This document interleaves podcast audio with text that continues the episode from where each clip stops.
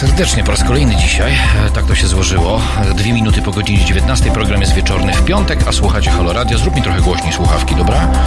O, od razu lepiej. Dobrze słuchać dobrego głosu. A teraz będzie jeszcze lepszy głos, proszę Państwa. Spędzę z Wami najbliższe dwie godziny. Mm, E, właśnie nie wiem, jak to jest, Panie Profesor. Czy ja mam mówić gościnią czy gościem? Jak Pani woli? Proszę pana, ja zawsze w, w tym sporze y, opowiadałam się za bardzo ładną, staroświecką, troszkę dziwną formą, ale występuje u Kochanowskiego w odprawie posłów greckich. Okej. Gościa mianowicie. Dobrze, czyli I- goście, czyli gościem moim mogę tak... I gością. Gością moją. Gością, jeżeli pan sobie tak życzy. To pani sobie życzy, to panie. proszę bardzo, to ja jestem pana gością. Dobrze, gością moją jest Mhm. pani profesor Ewa Łętowska. Dla przypomnienia, polska prawniczka, specjalistka w zakresie prawa cywilnego, profesor nauk prawnych, profesor w Instytucie Nauk Prawnych Polskiej Akademii Nauk, No już teraz członkini nie. Polskiej Akademii Nauk. 75 roku. Szczegóły, no. Niech, niech, niech, niech i tak będzie. Bardzo dobrze panią widzieć w zdrowiu, pani profesor, przede wszystkim. Dziękuję, to dziękuję. Co prawda na te wasze trzecie piętro to ciężko wchodzić bez windy, no ale trudno. E, Postaramy się o windę w takim razie. Bardzo E, proszę, inni też skorzystają. Dyskutując z burmistrzem e, Śródmieścia, którego serdecznie pozdrawiamy. Najpierw zaczniemy, e, jeśli pani pozwoli, od tego, że e, jesteśmy w środku trzeciego Kongresu Praw Obywatelskich. Dzisiaj już e, pani tam Tak. była, ale jutro w znacznie poważniejszej roli się tam pani To pojawi. znaczy jutro y, moja rola y, jutro jest rozbita na dwa spotkania, y, oba związane z jedną inicjatywą Rzecznika Praw Obywatelskich, a mianowicie Forum Konsumenckim. Otóż ym, Państwo może nie wiedzą, ale prawo konsumenckie ym, stanowi poważną część mojego życiowego dorobku. No w tej chwili się tym zajmuję cokolwiek mniej, a e, rzecznik od czasu, zwłaszcza kiedy do biura rzecznika dołączył jako zastępca mm, rzecznika praw obywatelskich pan profesor Grzeszczak e, który, y, który, przepraszam bardzo, Taborowski, Grzeszczak to jest, do- to jest i to jest, owszem, też specjalista od prawa europejskiego. Właśnie o tym myślę.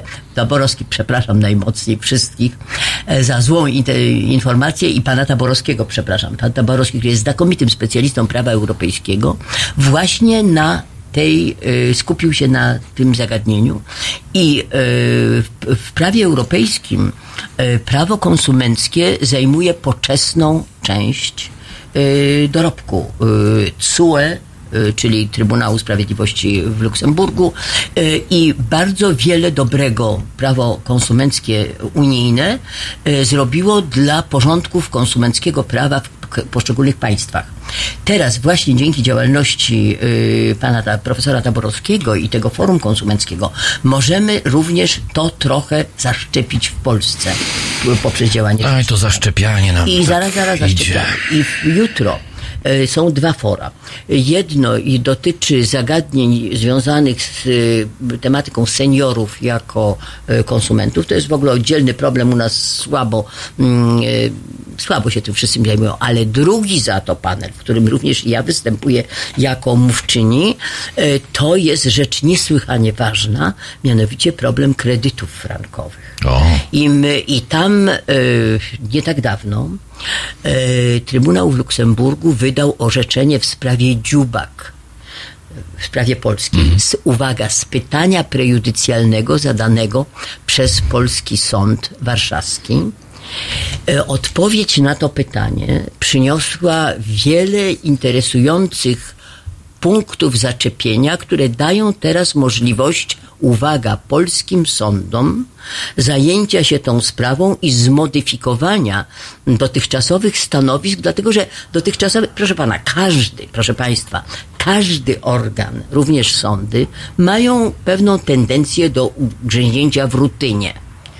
W związku z tym ta rutyna dotycząca prawa konsumenckiego i kredytów konsumenckich wymagałaby trochę odświeżenia, przewietrzenia i tak dalej. Odpowiedź na pytanie w sprawie dziubak przynosi bardzo wiele możliwości i przedstawieniu tych kwestii jest właśnie poświęcony panel jutrzejszy popołudniowy mm, w czasie Kongresu I Obywatelskiego. jak wszystko dobrze pójdzie, to po tym panelu zaszczyci Pani e, swoją obecnością nasze e, studio mobilne e, w Muzeum Polin. No, czy ja, no, zobaczymy, jak to tam się wszystko ułoży. Dobrze, to jeszcze tak, gwoli ścisłości. Witamy szanowną gościnie, pisze pani Bożena. Gościa bym ale, prosiła. ale tak, ale tak, ja tylko cytuję, ja tylko cytuję. Gościę w takim razie, proszę państwa, proszę się poprawić. E, Pan Marek, witam panią profesor. Mm, e, e, Witam panią profesor, panie Jakubie. Szacunek dla was obojga. Dobry wieczór, miło się słucha pani profesor. Zresztą jak zawsze i całe takie mnóstwo opinii jest, więc to chyba nie Bóg powinna być pani zdziwiona. Pani profesor, ja zacznę od takiego cytatu dzisiejszego. Jan Śpiewak z prawomocnym wyrokiem sądu za zniesławienie mecenas Ćwiąkarskiej to skandal i parodia państwa prawa. Deweloperska mafia to nowy Pruszków, który robi w Polsce co chce. Janku, jestem z tobą, jesteś bohaterem. Takich Proszę wpisów pana, dzisiaj nie jest będę bardzo tego, dużo. tej, tego, tego wątku ko- komentował. Mhm. Dlaczego? E, Pan śpiewak jest y, bardzo godnym szacunku działaczem y, ruchów y, no, tych y, Miejskich, obywatelskich, społecznych, miejskich i tak tak. dalej. Natomiast no, ja jestem prawnikiem. W związku z tym ja przywiązuję na pewno większą wagę niż pan śpiewak e, jednak do tego, żeby metody działania ruchów były jak zgodne z, ze standardem y, prawidłowego posługiwania się prawem. Akurat ta sprawa, ona dotyczy nie tego, co pan śpiewak robi jako mm, w ramach swojej zasadniczej działalności, tylko co wyszło z tej jego działalności niejako ubocznie, prawdopodobnie trochę tak za szeroko, że tak powiem, się zamachnął i za dużo mu się powiedziało i zrobiło.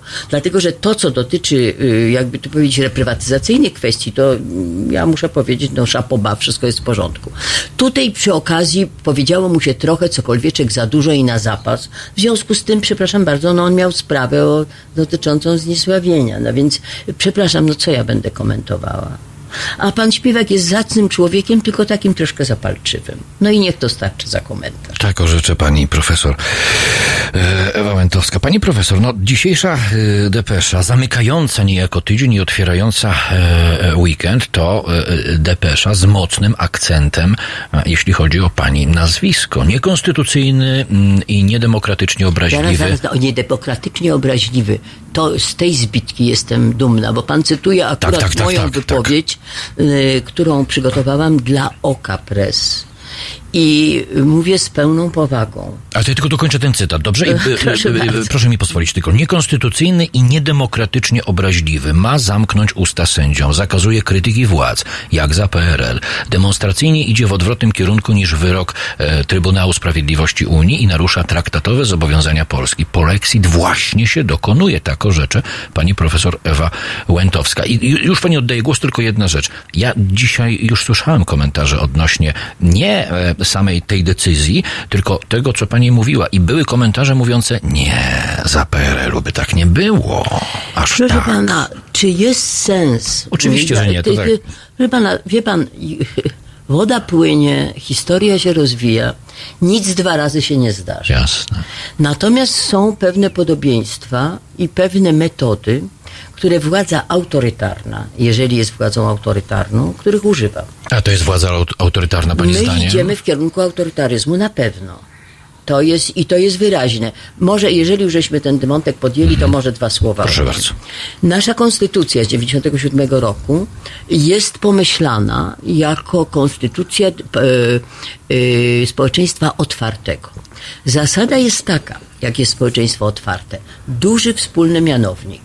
Każdego, kto wyraża zgodę na mainstream wartości, które są właściwe dla społeczeństwa otwartego i państwa prawa, jeżeli się co do tego zgadzacie, to po tych peryferiach, bokach, no to wasz problem, jak, jak sobie y, chcecie układać wasze programy, jesteście z nami. Czyli to jest społeczeństwo włączające, możliwie duży wspólny mianownik.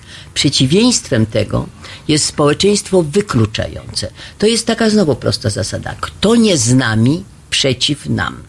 Ja nie chcę zajmować stanowiska na przykład w sprawie haseł, czym są ludzie, którzy się nie zgadzają, najmy na to, na jakiś program polityczny, ale przepraszam bardzo, inwektywy i mm, odsądzanie od czci i wiary, które nam się zdarza w, w życiu publicznym, nie jest cechą włączania, tylko jest cechą wykluczania. Jedno pytanie dodatkowe w takim Proszę. razie, a propos tego, co słyszę od pani, ale to nie jest tylko i wyłącznie e, domena środowisk władzy, to jest także domena środowisk opozycji. Ale pro, proszę pana, a, bo, bo, to jest nasza bo domena, jest akcja, nasza Każda akcja rodzi reakcję. A władza, dlatego że jest władzą, ma większe obowiązki, jeżeli chodzi o przyzwoite zachowanie Absolutnie się. Tak. Przecież mnie też diabli biorą czasami, jeżeli, jeżeli pan ma kontakty, dajmy na to, z małymi dziećmi. No bywają nieznośne. No ale z tego nie wynika, że dorosły powinien równie szybko tracić cierpliwość jak dziecko. To dokładnie to samo odnosi się do kontaktów władza jednostki. I teraz skończę ten wątek, mhm, spodziewam. Jeżeli nasza konstytucja jest konstytu- pomyślana jako konstytucja społeczeństwa włączającego, otwartego, to teraz to, co się dzieje niestety u nas, yy, na mniej więcej na przestrzeni ostatnich mm, od 2015 roku w zakresie zwłaszcza stosowania prawa, prawa te są też zmiany. No to jest wyraźne przesunięcie się w kierunku autorytaryzmu. Dlatego, że jeżeli weźmiemy takie zmiany w prawie dotyczącym na przykład prokuratury, no państwo tutaj pracują w mediach. Też zauważyłam, że media zaczynają mieć takie czy owakie kłopoty yy, najrozmaitszego rodzaju. Ale co jest cechą charakterystyczną tego zjawiska, z którym się w tej chwili spotykamy?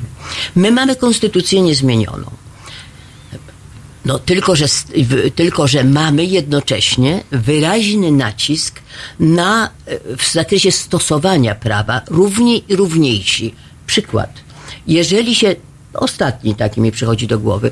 W Katowicach y, y, pamiętają Państwo y, problem wieszania tych portretów. No, to jest po prostu no, happening porządku, ja rozumiem, no może być happening, ale jednocześnie yy, yy, w drugą stronę to niekoniecznie jest happening, bo jeżeli na przykład, no pamiętam, yy, był problem y, nalepek y, y, Matki Boskiej Częstochowskiej z aureolą, no to było przeszukania, zatrzymania i tak dalej coś nie pasuje tutaj w tych standardach. Kilka w związku z tym, w związku z tym, mhm. skończę. W związku z tym powiadam, jeżeli jest nierówny standard stosowania prawa, no to co jest cechą władzy autorytarnej? Władza autorytarna to jest taka, która mówi chcę to dam, nie chcę to nie dam nie chce stosować procedur, procedur unika, woli decydować, no jak obracam się w granicach prawa, kompetencji. Tyle tylko, że nie chcę, chcę uniknąć przewidywalności moich decyzji. To jest problem wejścia miękkiego w, w, autorytaryzm. I ja oczywiście nie mam ani temperatury, żeby zmierzyć, ani, ani jakiegoś miernika. Tym niemniej niewątpliwie, i to potwierdzają analizy takie fachowej literaturze. My rzeczywiście od y, kilku lat kroczymy troszkę w innym kierunku niżeśmy kroczyli dawniej ku społeczeństwu otwartemu. Ale to nie tylko my, panie profesor. To jest, nie, to nie jest, tylko my, to jest tendencja europejska, światowa. Proszę pana, ale to, Boże Święty, bo jesteśmy cząstką wielkiej społeczności mm, światowej. Ale dlaczego o tym mówię? To może należałoby powiedzieć, no cóż, no taka kolej historii, może trzeba się z tym pogodzić, Proszę może pana, ten etap trzeba tylko, przejść. Że, tak, tylko że akurat nam my mamy pewien kłopot. My jesteśmy, po pierwsze, leżymy na peryferiach Europy. Wschodnia rubież Europy. Z, z tej racji, z racji naszej historii, e, ciężko nam było e, osiągnąć ten poziom funkcjonowania społeczeństwa, takiego przyzwoitego społeczeństwa i obywatelskiego, i przyzwoitego państwowości, mocnej państwowości pewnej swoją siłą i swoim, jakby to powiedzieć, swoim, swoją legitymizacją, jaki jest na Zachodzie. Bo myśmy nie mieli XIX wieku przyzwoicie. Myśmy bombę na cara wtedy się u nas robiło. Przynajmniej tutaj w tej części y, Polski. W związku z tym u nas się nie wykształcił ani szacunek dla struktur państwowych, ani szacunek dla prawa, bo to było prawo zaborcze.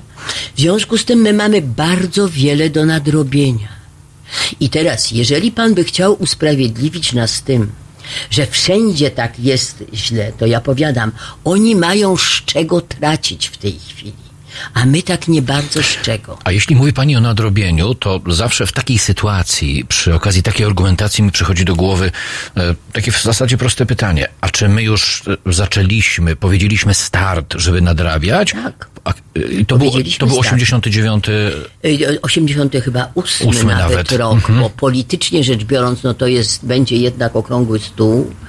Y, Później, no to przecież jest prostopniowy proces, a jeżeli pan pyta o takie kamienie milowe, no to jest wy- konstytucja, wejście do Unii Europejskiej, y, różnego rodzaju, no, tego rodzaju akcje. I no. teraz do czego dochodzimy, że y, jest ten 88, 9 rok, okrągły stół, kamienie milowe i ja naprawdę po raz pierwszy e, w przedziale tych minionych 30 lat słyszę o tym, że my się do autorytaryzmu zbliżamy. Tego nie było wcześniej. Nie, my się nie zbliżamy, proszę pana. Ja tylko powiedziałam tyle, że myśmy zmienili kierunek. Kierunek, który nas prowadził wprost ku państwu, ku temu centrum, w tej chwili, proszę zwrócić uwagę, y, trochę dzięki y, bardziej większemu położeniu akcentu na tradycję narodową, y, na naszą specyfikę wy- wynikającą, no chociażby na przykład w tej chwili, od dzisiaj mamy temat mm, problemy klimatyczne, prawda? No nasza specyfika, no rzeczywiście to jest szczera prawda, że mamy do czynienia z, z kłopotami wynikającymi ze zbytniego oparcia naszej gospodarki o węgiel. No więc w związku z tym, ale jeżeli my wobec tego aprobujemy myśl o tym, że jesteśmy dzieckiem specjalnej troski z uwagi na historię, i inne zaszłości, to proszę pana, dziecko specjalnej troski, żywione łyżeczką i niesamodzielne, to ma pewne kłopoty z osiągnięciem takiej dojrzałości, które mu umożliwia samodzielne, świadome funkcjonowanie. I to jest problem. Ale oczywiście, no ja nie chcę, ja nie jestem analitykiem historycznym, więc raczej pan w tej chwili dzielę się moją własną filozofią czysto osobistą, nie wynikającą bynajmniej z mojego tytułu. ale właśnie po to panią zaprosiliśmy, panie nie, profesor. Wie pan, no, tu trzeba uważać, dlatego że w Polsce bardzo często bywa tak, że ludzie, którzy są specjalistami w jakiejś dziedzinie i mają pewien autorytet zawodowy, mogą tego, ja nie chciałabym nadużywać, e, powiedzmy, czy, czy mojego autorytetu zawodowego, tam gdzie ja się czuję pewnie jako ekspert, do tego, żeby w tym wzmacniać moje poglądy osobiste. No więc, ale dlatego tutaj mówię, no wyjaśniam tak dla ciebie, jak to jest. Po, po prostu uważam, że od człowieka trzeba dużo wymagać po to, żeby człowiek mógł świadomie funkcjonować w bardzo trudnym ustroju, jakim jest ustrój demokratyczny. Bo to jest piekielnie trudny ustrój. On strasznie niewiele od człowieka wymaga. A co ze świadomością tych, od których mówi Pani, że należy sporo wymagać, skoro mm, e, od naszych widzów wielokrotnie dostajemy takie sygnały, że przecież my od tych 30 lat funkcjonujemy w takim e, e, zamkniętym pędzie, który pozwala nam zarabiać na chleb z masłem, wziąć kredyt we frankach, ale już nie zarobić na chleb z szynką, bo to by było za dużo Proszę i pana, władza doszłaby pana, do wniosku, że chcemy pan ciastko. zwolni od brnięcia akurat w ten rodzaj wymiany zdań, bo to, wie pan, raczej sądzę, że to raczej tak przy kawie y, możemy sobie tak popłynąć w taką dyskusję. Jak już do państwa przyszłam, to ja bym wolała pilnować jako szef swojego kopyta bardziej i bardziej się poruszać w tym kręgu zagadnień, których ja, których ja uważam, że mam prawo, jakby to powiedzieć, mówić no, z pewnym poparciem tego, co ja sobą reprezentuję, jeżeli chodzi o Dobrze, swój zawód. to ja tak y, wy- patrzę tam na stół, bo pani jak zwykle jest przygotowana do zajęć, pani profesor. Co, co to za notatki? Cóż to za Proszę pana, notatki? nie, to jest co innego. Ja codziennie,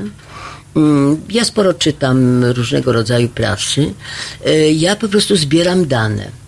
I na przykład dzisiaj y, też to, co Pan tutaj wskazuje, te karteczki, które tutaj leżą na przykład, to są informacje, które dotyczą e, kwestii, która pojawiła się już w tej chwili w, y, no tak, przy okazji dyskusji nad y, tymi tematem dnia, to znaczy projektem ustawy, zmiany ustaw o y, sądownictwie, a mianowicie argument ze strony autorów y, tego projektu, że przecież Polacy nic się nie stało, Polacy nic się nie stało. Przecież podobne ustawy ma na przykład y, Francja i Niemcy. No ale mają podobne. Ba. I proszę pana, ale Dobrze, no to właśnie najpierw skończę e, wypowiedź. Więc te notatki, które pan ma, to dotyczą akurat właśnie Francji i Niemiec w tej kwestii. Okay. I ja sobie to, to trzeba na bieżąco zbierać, dlatego że y, no, media żyją szybko, to później gdzieś ulatuje, a ja sobie mam, w komputerze leży, można później sobie wydrukować i jest. No i więc tak sobie właśnie przyniosłam. I teraz mają Oczywiście, że mają. Tylko proszę pana, ja akurat w tej chwili samochodu nie mam, ale miałam w swoim czasie Toyotę. Szanowny pan ma jakiś samochód? Nie. Nie. Ale no jak gdyby pan miał, powiedzmy, no ja nie wiem, powiedzmy pan by miał no, Opla na przykład. No to proszę pana, to takie mniej więcej porównywalne samochody. No to proszę pana, no one są niby takie. I jedno ma kierownicę i drugie. Kółka ma i ma. Siedzenia ma, skrzynię biegów. No tam te różne, prawda, wikajstry w środku ma.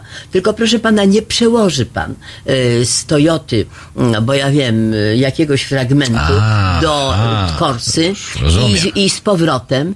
I jakkolwiek każdy samochód ma te same co do zasady funkcjonalne podzespoły, ale to jest jednak inny samochód i te podzespoły cokolwiek inaczej działają. Ja miałam kiedyś właśnie Opla Corsa i proszę pana, no na przykład jak się przesiadłam na Toyota, to na przykład co ja miałam? Zupełnie gdzie indziej był martwy punkt, e, jak się siedziało przy kierownicy, żeby spojrzeć do tyłu.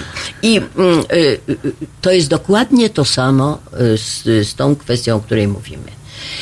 Mają i Niemcy mają y, y, taki dyscyplinujący sędziów y, przepis i Francuzi mają. Tylko, że one są cokolwiek inaczej skonstruowane. To znaczy? Niż te. Na przykład, jeżeli chodzi o Francuzów, to nawet tutaj, z, proszę pana, jest taki mm, to, to jest śmieszne, bo i francuskie, i niemieckie są z 58 roku. Hmm. Mianowicie, jeżeli we Francji w czasie procesu.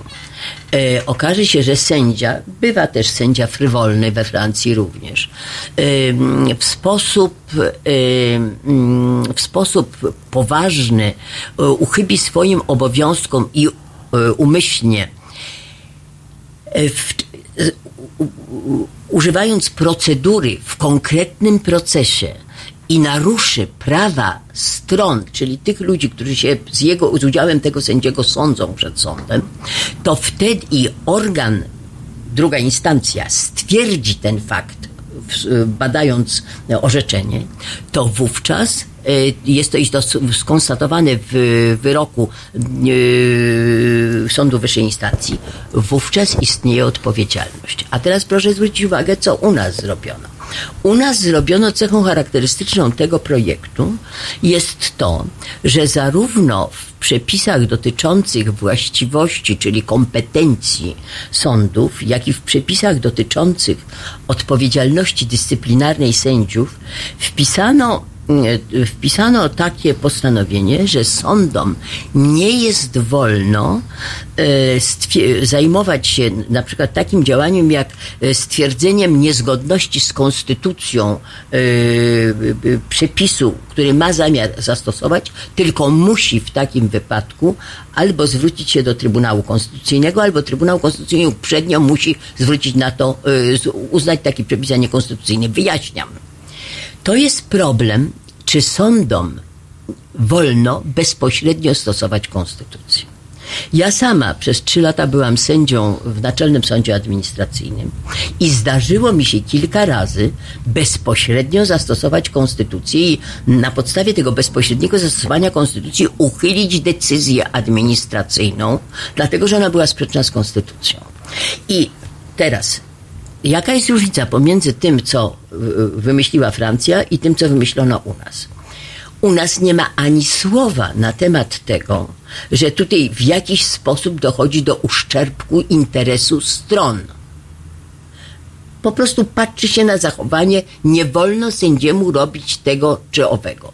We Francji się mówi, sędzia nie może przez złe zastosowanie procedury doprowadzić do uszczerbku w interesie strony. Czy ja dobrze rozumiem? W tym projekcie, który jest zaproponowany w Polsce, chodzi wyłącznie o to, żeby e, Czego sędzia.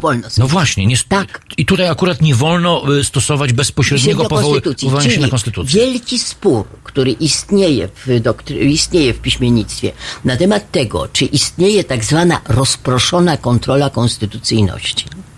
E, tutaj jest przesądzony przez ustawodawcę. Nie ma. Monopol ma mieć Trybunał Konstytucyjny. To jest, proszę pana, bardzo duże ograniczenie. Zwłaszcza, że my mamy konstytucję, artykuł mm, ósmy konstytucji, który mówi, przepraszam bardzo, jak byk, że go zacytuję, mm, Konstytucja jest najwyższym prawem Rzeczypospolitej yy, Polskiej.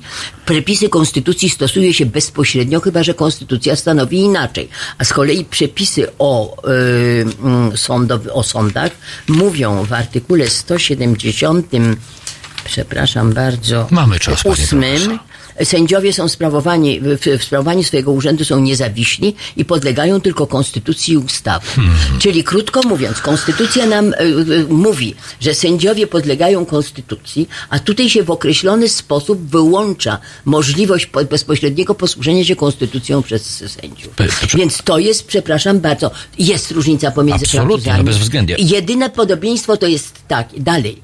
Jest y, również powiedziane, że y, jest taki tutaj w tym projekcie 9D, czy któryś tam, mianowicie, a, zamyka się usta sędziów, wprowadzając kauczukowe zakazy krytyki podstawowych zasad ustroju Rzeczpospolitej Przepraszam, Polskiej. tylko jedna pauza. Pan Tomasz pisze tak. Chodzi wyłącznie o posłuszeństwo sędziów wobec rządu, zastraszanie i odstraszanie. Tak jeden z naszych pana, widzów to powiedział napisał. pan, to, to, znaczy, proszę pana, że moja eksplikacja jest dostatecznie przejrzysta. Absolutnie.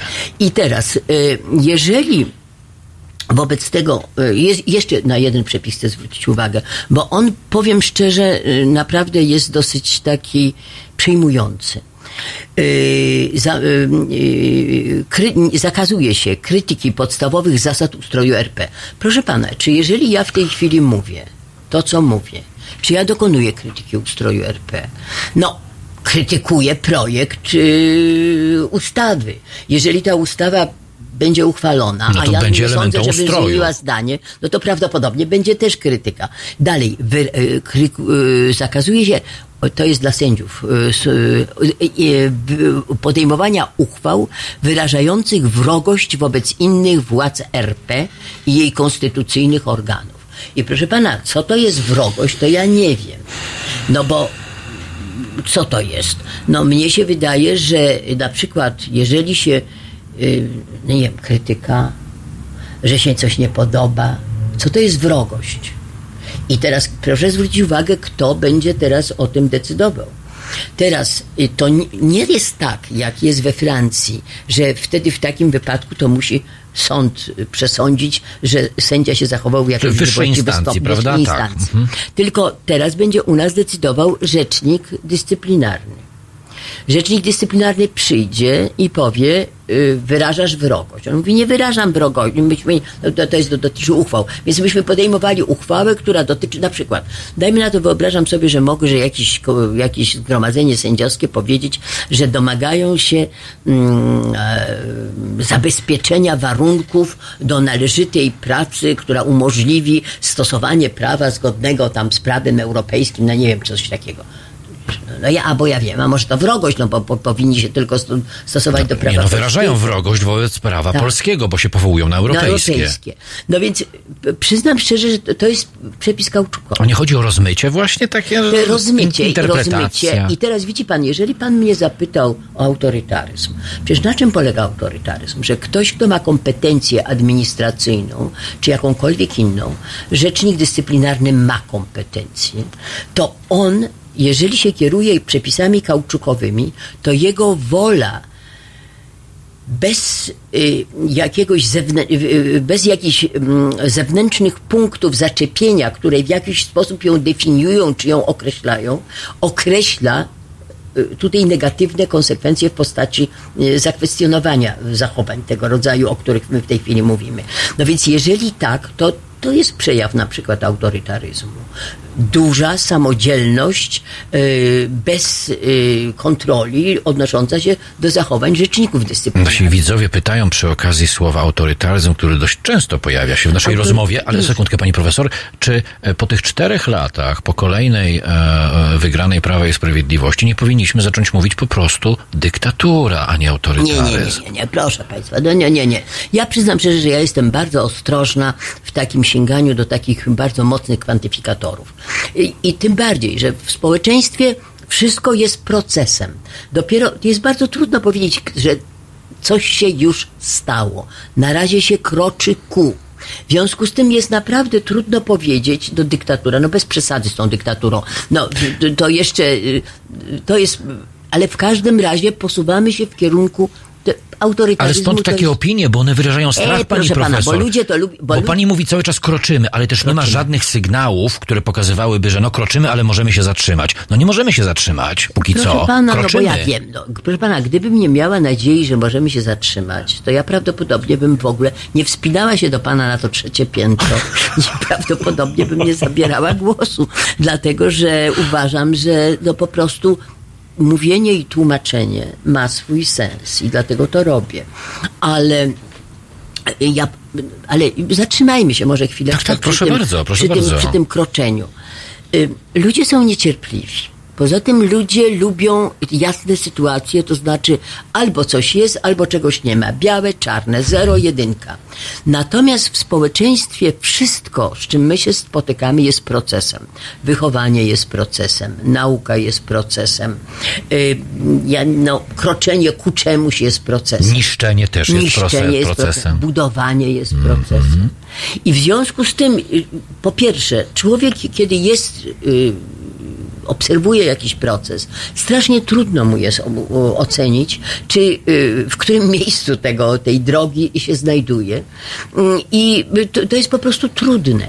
Ale dlatego należy właśnie bardzo uważać, w jakim kierunku się idzie, dlatego że im wcześniej się zawróci, albo im bardziej człowiek świadomie tę drogę wybiera, tym mu jest łatwiej ewentualnie skorygować kurs. Nie trzeba się zatrzymywać, kroczmy dalej, ale zmieńmy kierunek, pisze jeden z naszych widzów. No, czy jakby tu powiedzieć, no jakby, wie pan, pan czyta te spostrzeżenia, ja myślę, że tam są różne głosy.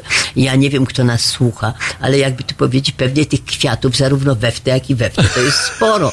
No więc rozumiem, że pan wybiera te bardziej krzepiące, no więc owszem, to ja bym się z takim czymś zgodziła. No, ale wróćmy jeszcze może Tak. do tego wątku, o, o, który tutaj mówi, o którym tutaj mówimy. Otóż y, ja, ja zresztą wątpię, czy te przepisy, o których, y, które stanowią trzon y, druku 69 sejmowego, można sobie znaleźć, bo on jest na w, stronach Sejmu wisi, y, czy one rzeczywiście będą, będą uchwalone. Tym niemniej sam fakt ich pojawienia się i pojawienia się w takiej postaci jest bardzo znaczący, bo to wcale nie trzeba uchwalać przepisów. Wystarczy zagrozić ich wprowadzeniem, albo wystarczy zasugerować, że mogą takie, nastąpić takie rzeczy po to, żeby ludzi mniejszego ducha, czy ludzi, którzy bardziej albo są zmęczeni, skłonić do posłuszeństwa, zniechęcić do działa- aktywnej działalności. E, No, krótko mówiąc, to jest taka trochę działanie, bo prawda, no, rządzi się społeczeństwem metodą bata i marchewki, no więc tu jest więcej bata. No więc przecież nie trzeba koniecznie tym batem bez przerwy prać. No wystarczy, że ta dyscyplina wisi na ścianie. No więc to jest takie powieszenie dyscypliny na ścianie. Po co to jest? No żeby zniechęcić do niektórych rzeczy, ale teraz przejdźmy, bo to jest, my tak ogólnie mówimy, przejdźmy do czegoś ważniejszego przecież. W jakim momencie ten projekt się pokazał? Ten projekt się pokazał w momencie, kiedy 19 listopada e, zapadło w Trybunale e, w Luksemburgu orzeczenie, które było odpowiedzią na pytanie prejudycjalne zadane przez nasz polski Sąd Najwyższy. I teraz przepraszam, ale będzie trochę wykładu, jak wzajemnie działa prawo europejskie i jak działa prawo Okej. polskie. Otóż to jest tak, że jesteśmy jednocześnie, będąc członkami Unii Europejskiej, poddani zarówno prawu europejskiemu, jak i prawu rodzimemu.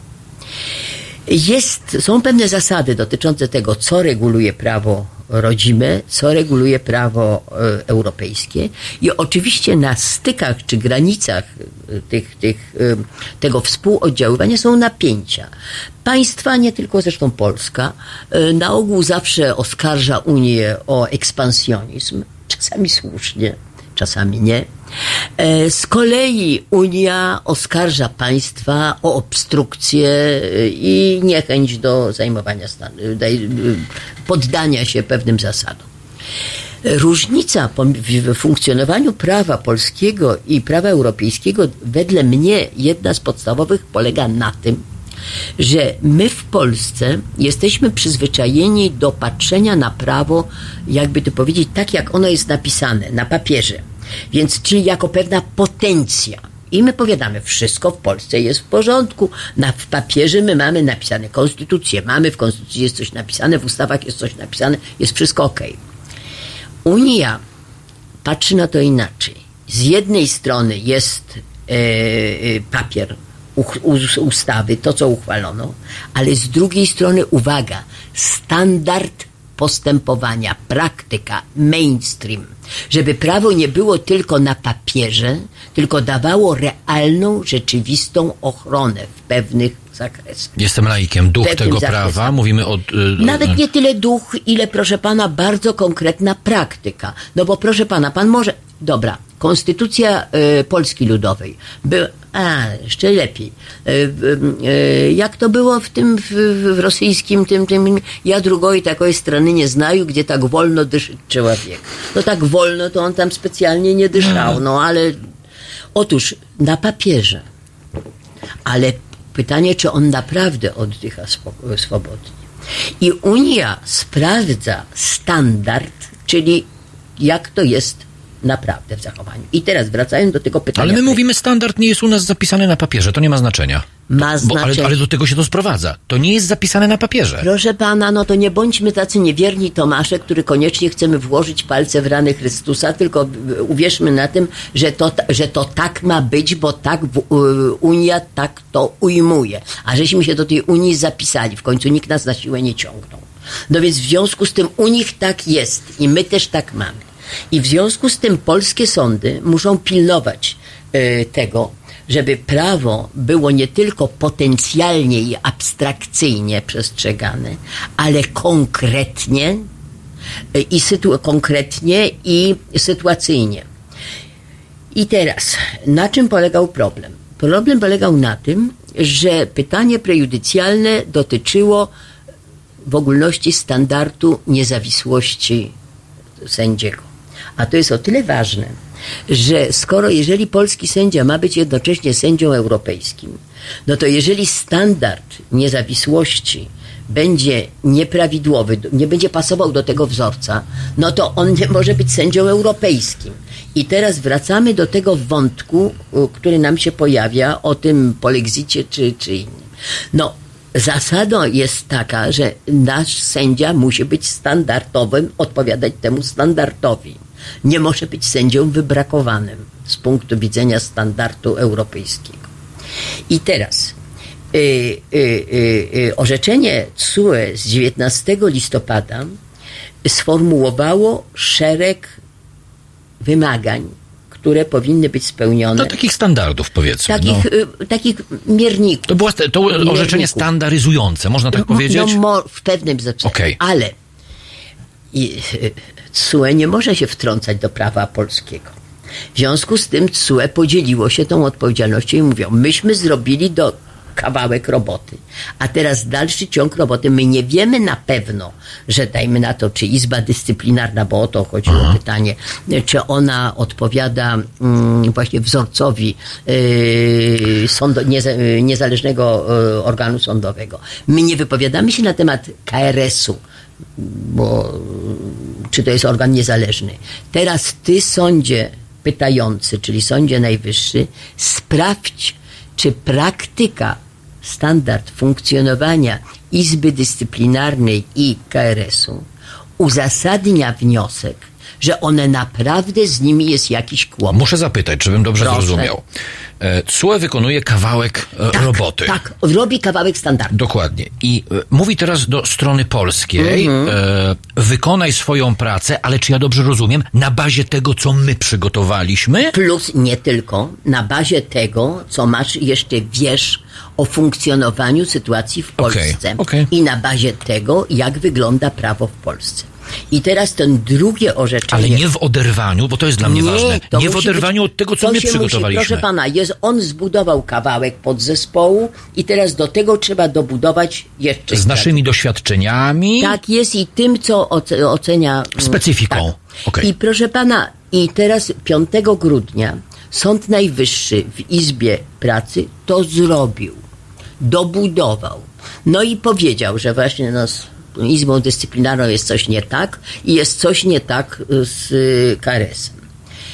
Ponieważ pytanie y, prejudycjalne, które Sąd Najwyższy zadawał, odnosiło się do pewnej sytuacji bardzo konkretnej. Tego, czy jeden z sędziów y, Naczelnego Sądu Administracyjnego, co do którego nie przedłużono, tam była opinia KRS-u, była negatywna, czy on ma jakieś prawo odwołania.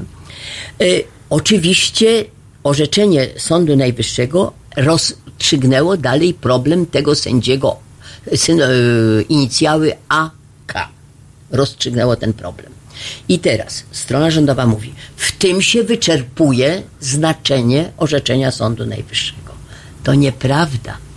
Dlatego, że skoro Sąd Najwyższy zadał pytanie prejudycjalne do CUE, do Luksemburga, a Luksemburg ma monopol na wykładnię prawa europejskiego. On ma monopol i jak raz dokona wykładni jakichś przepisów europejskich, to to wiąże wszystkie sądy nie tylko w Polsce, ale i poza Polską. Czyli odpowiedź, e, której udzielił CUE 19 listopada, ona ma znaczenie y, szersze poza samą sytuacją, której dotyczyło pytanie prejudycjalne. Dlatego, że przy tej okazji y, CUE dokonał wykładni konkretnie artykułu dla 19. Wszystkich krajów dla wszystkich Unii krajów. Europejskiej, dokładnie. I, to, I, dla nas też. No tak, bo to I było pytanie z naszej strony. Naszej, I teraz, dlatego nie mają racji ci oponenci politycy, którzy mówią, odpowiedź CUE dotyczy tylko tej konkretnej sprawy. Nie, bo taka uroda pytania prejudycjalnego, że pytanie prejudycjalne zawsze rozstrzyga tę konkretną, daje odpowiedź do tej konkretnej sprawy. Ale my, jednocześnie my oświetla, oświetla inne przepisy europejskie Dokładnie. raz na zawsze. Czyli my pytamy, odpowiedź jest dla wszystkich. Dokładnie. Ale w zakresie oczywiście Do tego pytania. prawa europejskiego, prawa mm -hmm, europejskiego. Mm -hmm. I teraz Proszę zwrócić uwagę, no dobra, to to mamy z tym pytaniem prejudycjalnym. I teraz proszę zwrócić uwagę, co robi teraz ten projekt ustawy, który ja krytykuję. Projekt ustawy powiada, że nie może wobec tego Sąd Najwyższy zajmować się problematyką e, kwestionowania, bo e, e CUE, powie, z pytania CUE wynika, że musi się Sąd Najwyższy zająć oceną e, statusu na przykład Krajowej Rady Sądownictwa. No a y, y, ten projekt odpowiada, że nie można, mm, że nie można, o zaraz tutaj, jak tutaj było napisane, o, w ramach działalności sądu, Sądu Najwyższego, niedopuszczalne jest kwestionowanie umocowania sądów i trybunałów konstytucyjnych organów państwowych. KRS jest konstytucyjnym mm -hmm, organem jasne. państwowym oraz organów kontroli i ochrony państwa. Niedopuszczalne jest ustalanie lub ocena przez sąd powszechny ani inny organ władzy zgodności z prawem Dalej, powołania sędziego, a nie wynikającego z tego powołania uprawnienia do wykonywania zadań z zakresu y, wymiaru sprawiedliwości. No więc, czyli wie pan, w jedną stronę y, idzie wymaganie dotyczące co dalej po pytaniu prejudycjalnym, w drugą stronę idzie y, projekt ustawy. Ale to jest jeszcze mało, bo jeszcze to, że jest sprzeczność. Projekt ustawy nakłada odpowiedzialność dyscyplinarną za to, gdyby sędziowie jednak zaczęli coś w tej kwestii zacząć się wypowiadać.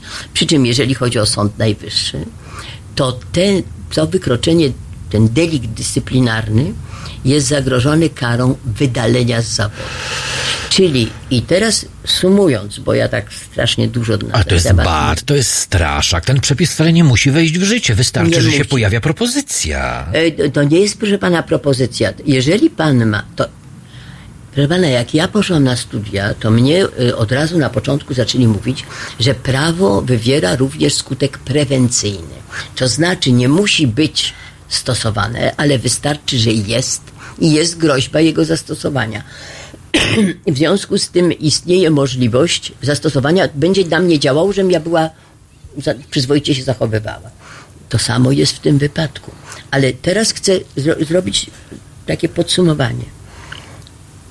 Otóż projekt ustawy niesłychanie głęboko wchodzi, e, w, ingeruje e, w to, co sędzia robi jako swoją działalność orzeczniczą.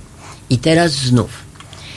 Konstytucja w artykule 10, kiedy mówi o podziale władz, y, ten podział władz w naszej polskiej konstytucji, to po raz pierwszy zresztą został tak wyraźnie sprecyzowany, mówi coś takiego, że władza jest y, checks and balance, czyli podzielona i równoważona.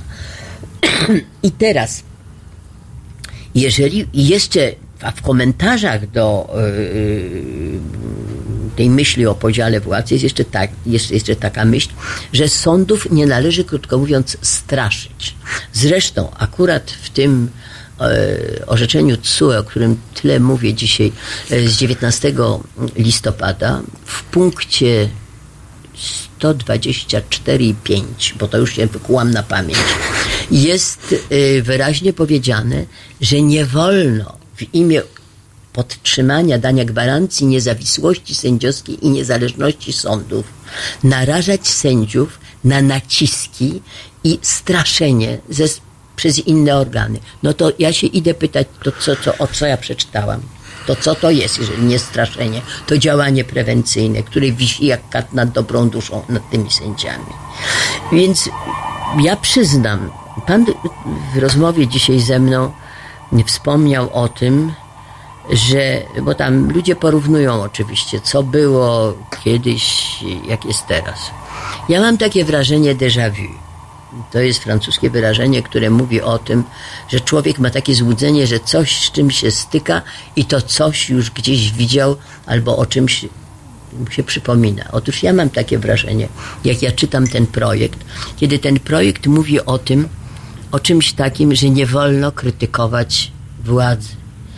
Otóż w 1969 roku w kodeksie karnym, już nieobowiązującym, był taki przepis, który też mówił, że nie wolno krytykować władzy. On służył do mm, karania, karcenia opozycjonistów.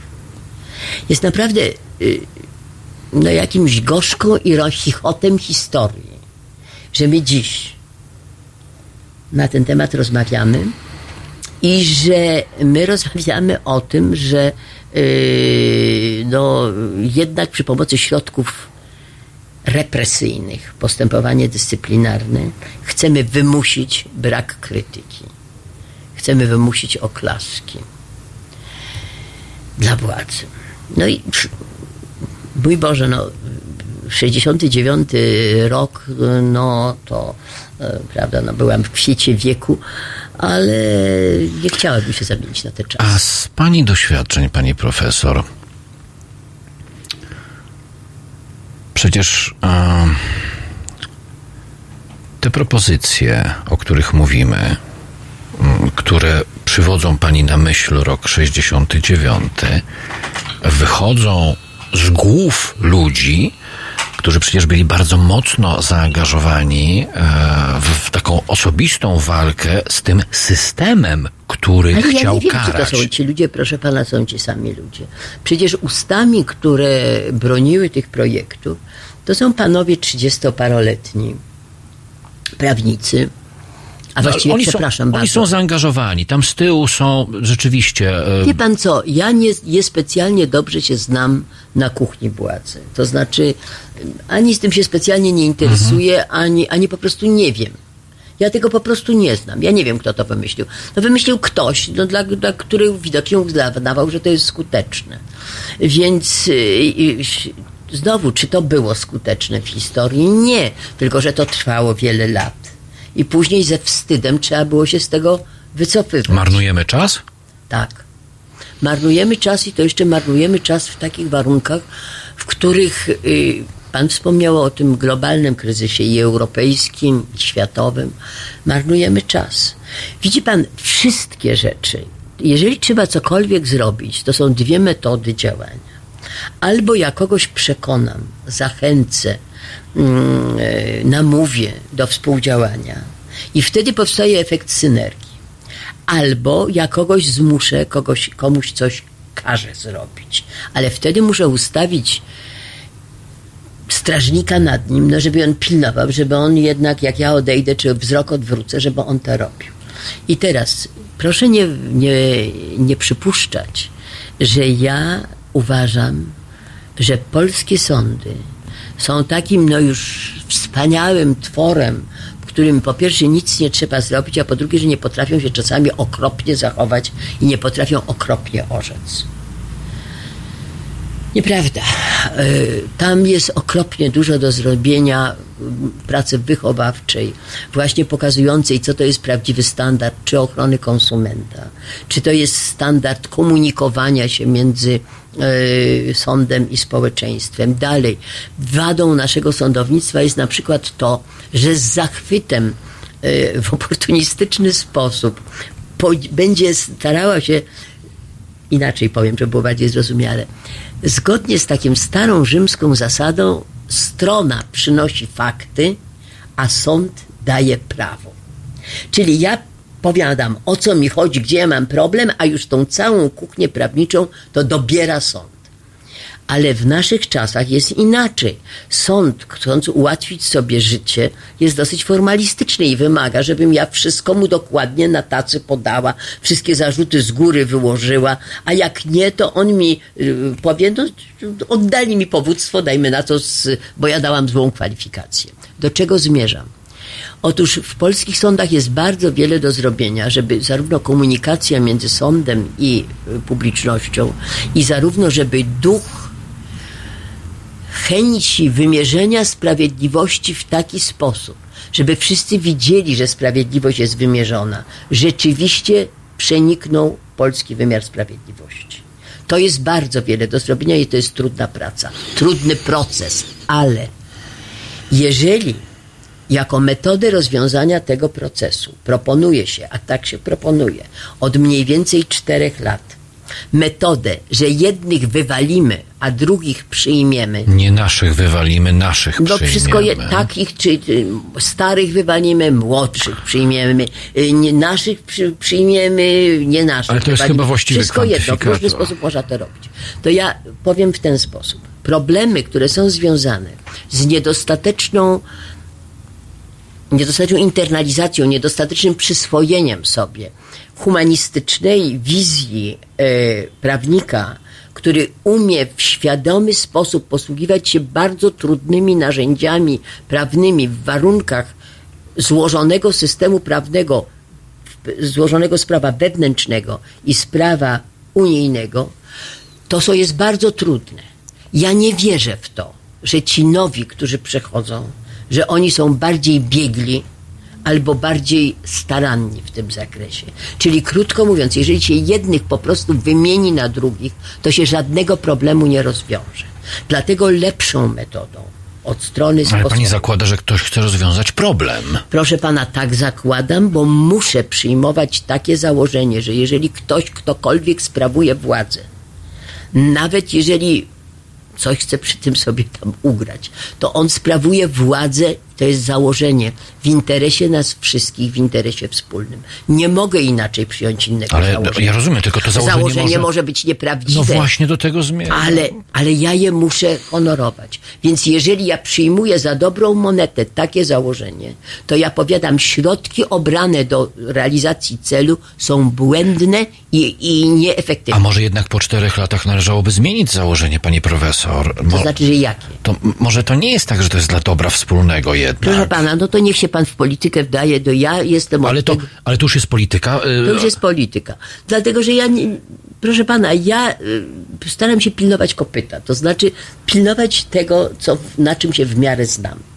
Y, natomiast, natomiast to, i to nie jest kwestia z mojej strony pewnego uniku, tylko po prostu, no, ja tutaj jestem trochę cokolwiek bezradna w tym. No, pan mi mówi zmienić założenie. No to zmienia się założenie głosując. Więc w związku z tym wynik wyborów. W związku z tym ja wybory szanuję. Przecież były wybory takie, dały taki, a nie inny wynik. No więc ja to akceptuję. Tylko, że powiadam, że metody, no, uważam, że są po prostu nieefektywne.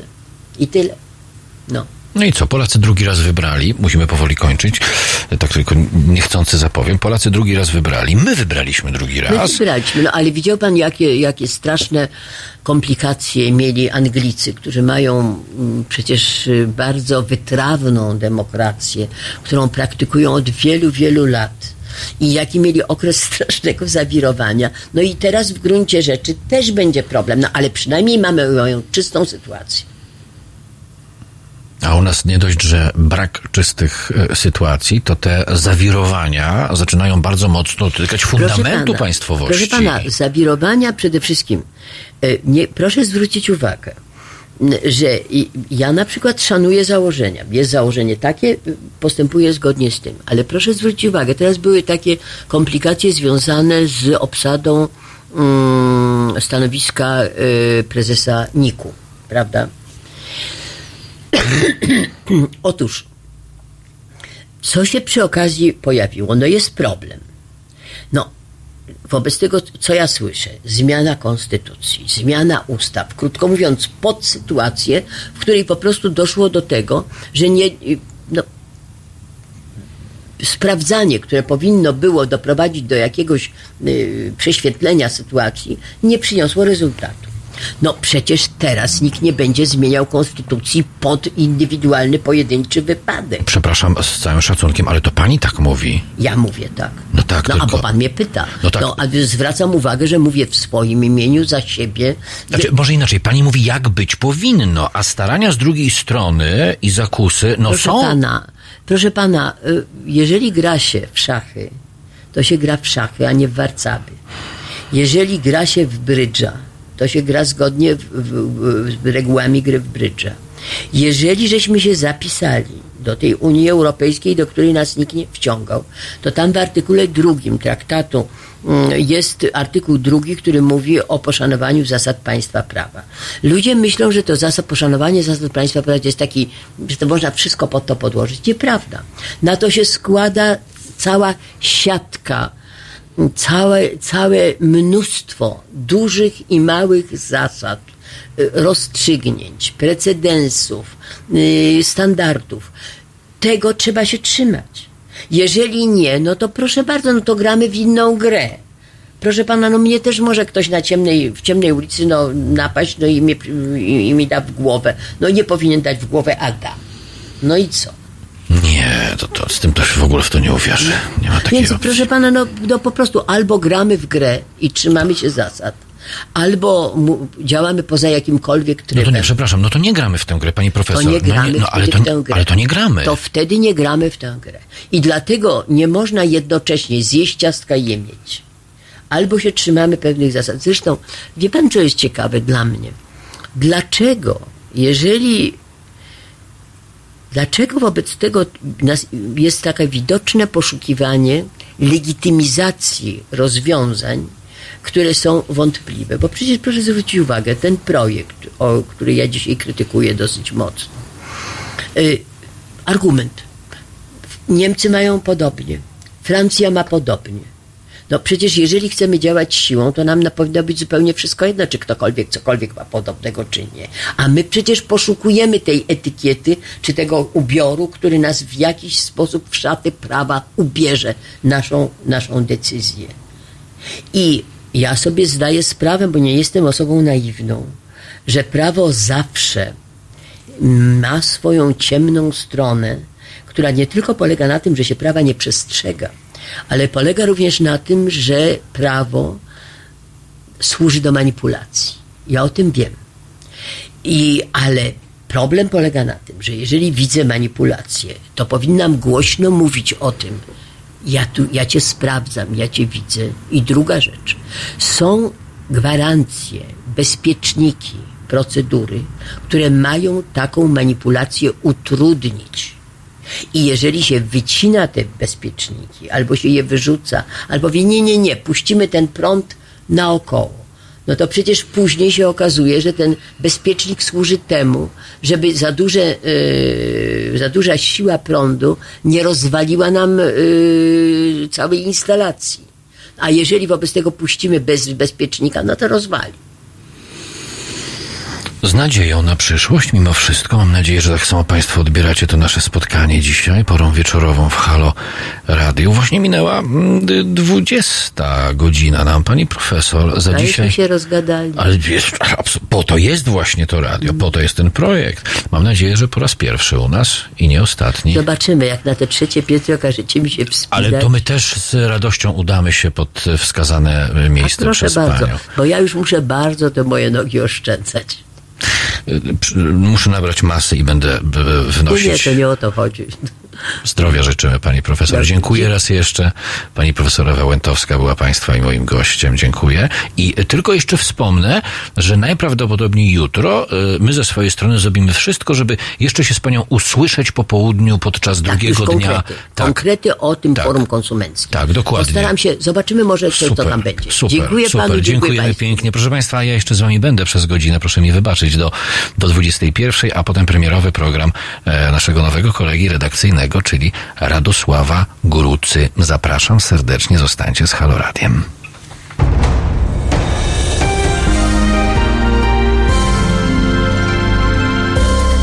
Czwartek.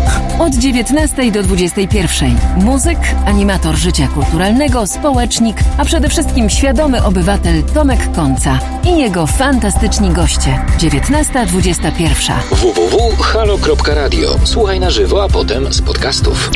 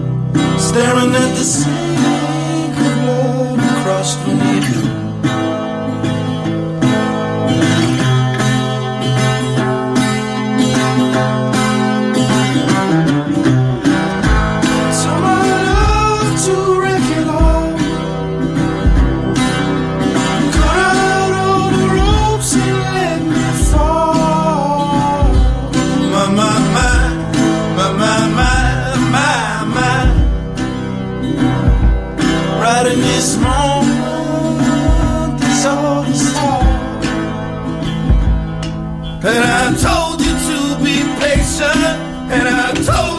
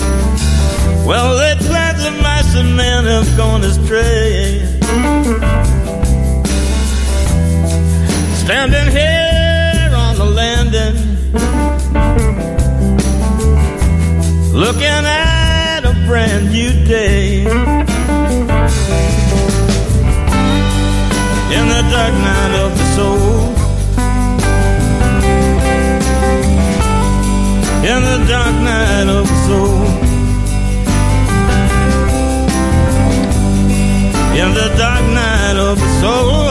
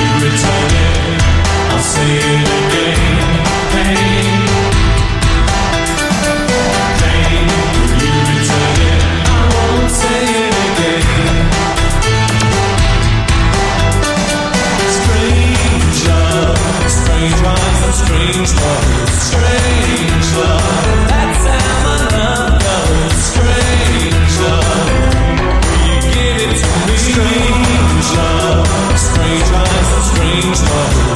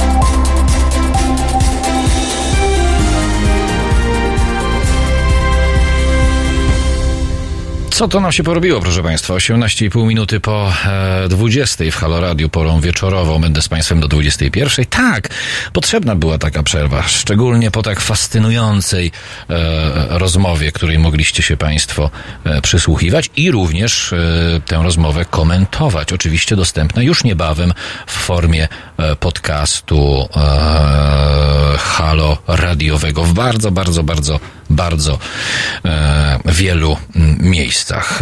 E, szczegóły oczywiście na naszych e, profilach społecznościowych. Proszę Państwa, będą też goście już za kilkanaście minut. Na razie ja z Państwem przez chwilę zostanę. Mam nadzieję, że to nikogo jakoś specjalnie nie urazi. 13 dzień grudnia. Z opresyjną władzą się nie rozmawia, z opresyjną władzą się walczy. Prosta zasada w rocznicę 13 grudnia. Co zrobisz opozycją, by obronić sędziów i resztę obywateli? Nie lubicie brzydkich słów, chcecie grzecznej ulicy? Okej, okay, pamiętajcie, historia do was krzyczy. I się nie bać, pisze Władysław Frasyniuk, nie spuszczając ani na chwilę z tonu. Rozmawialiśmy całkiem niedawno z Władysławem Frasyniukiem, też obiecał, że pojawi się w studio na dłużej, ale to jeszcze nie w tej chwili. Nie, nie tylko rocznica 13 grudnia, proszę Państwa, dzisiaj, Mm, teraz małpahalo.radio i 22 39 059 22, ale e, także za nami pierwszy dzień trzeciego Kongresu Praw Obywatelskich. To jest fantastyczna, mm, e, e, fantastyczna sprawa. Dzisiaj mogliście Państwo mm, tych naszym zdaniem bardzo ważnych paneli posłuchać, potem komentarza do nich. Oczywiście część z nich już pojawiła się w formie podcastów. To jest bardzo dobra informacja. Jutro o godzinie dziewiątej e, także zaczniemy, więc będzie można naprawdę spędzić fantastyczne e, godziny, nie będąc jednocześnie w warszawskim Muzeum Polin, gdzie kongres, trzeci kongres praw obywatelskich jest zainstalowany. E, z innej beczki, proszę Państwa, mm, zdecydowanie preferuję audycję bez chwil muzycznych, a potem dłuższe chwile oddechu. Trzymam tempo, jest dobrze. Ale mamy piątek w końcu. Był zresztą Friday I'm in Love. E, bezdyskusyjnie. Mm, proszę Państwa, dzisiaj strasznie dużo gadania, więc wieczorem możemy trochę tak naprawdę chwilę odpocząć. Tym bardziej ja mogę się Państwu przyznać, jestem chory. E, I moja aktywność głosowa e, będzie mnie dzisiaj, mimo że to tylko jeszcze 40 minut dużo kosztowała, ale czego ja dla Państwa nie jestem w stanie zrobić, mówiąc zupełnie szczerze. I odpowiadam na pytanie, które się pojawiło, czy ja mam na głowie jarmułkę. Tak, mam proszę Państwa jarmułkę i powiem Państwu, dlaczego mam tę jarmułkę. Po pierwsze, e, ta jarmułka dla mnie jest symbolem e, moich tradycji rodzinnych. To jest pierwsza sprawa, nigdy tego nie ukrywałem. Po drugie, ta jarmułka też e, uzmysławia mi i nie tylko mi, że każdy z nas ma prawo do swojej tożsamości, jakkolwiek ją postrzega. Zaraz powiem, dlaczego o tym mówię. Do tożsamości związanej z religią, niezwiązanej z religią, związanej z czymkolwiek, niezwiązanej z czymkolwiek.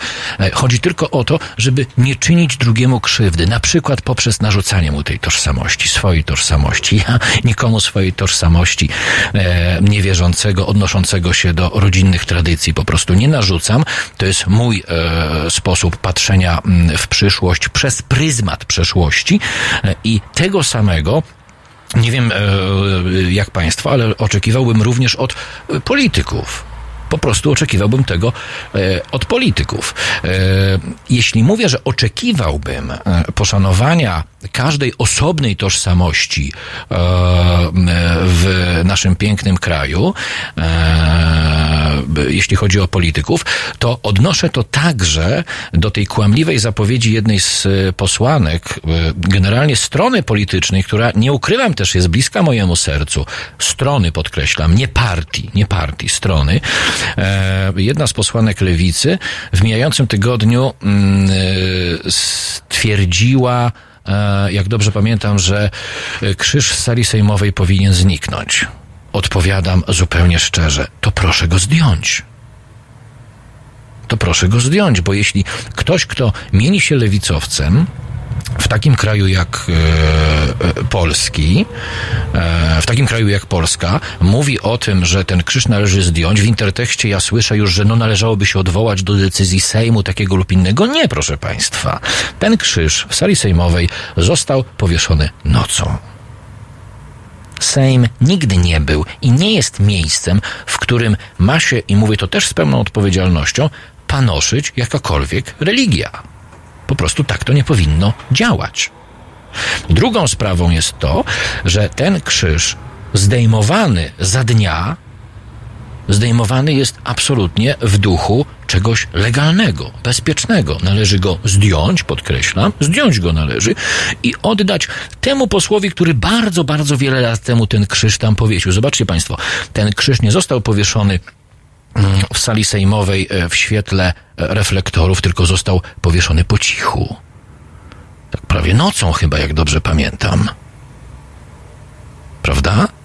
A więc zdajemy sobie sprawę, że e, no, nie było to zrobione w majestacie niejako państwa, społeczeństwa, narodu, tylko było to zrobione po cichu. To teraz dla swoistej równowagi i oddania e, według wierzących e, bogom tego, co boskie, a cesarzowi, co cesarskie, a społeczeństwu tego, co obywatelskie i społeczne, bo parlament ma być emanacją społeczeństwa, bez względu na to, jakie to społeczeństwo jest, to zdajmy sobie sprawę, że należy w ciągu dnia trzeba, e, drodzy Państwo, e, ten krzyż po prostu zdjąć i oddać go właścicielowi.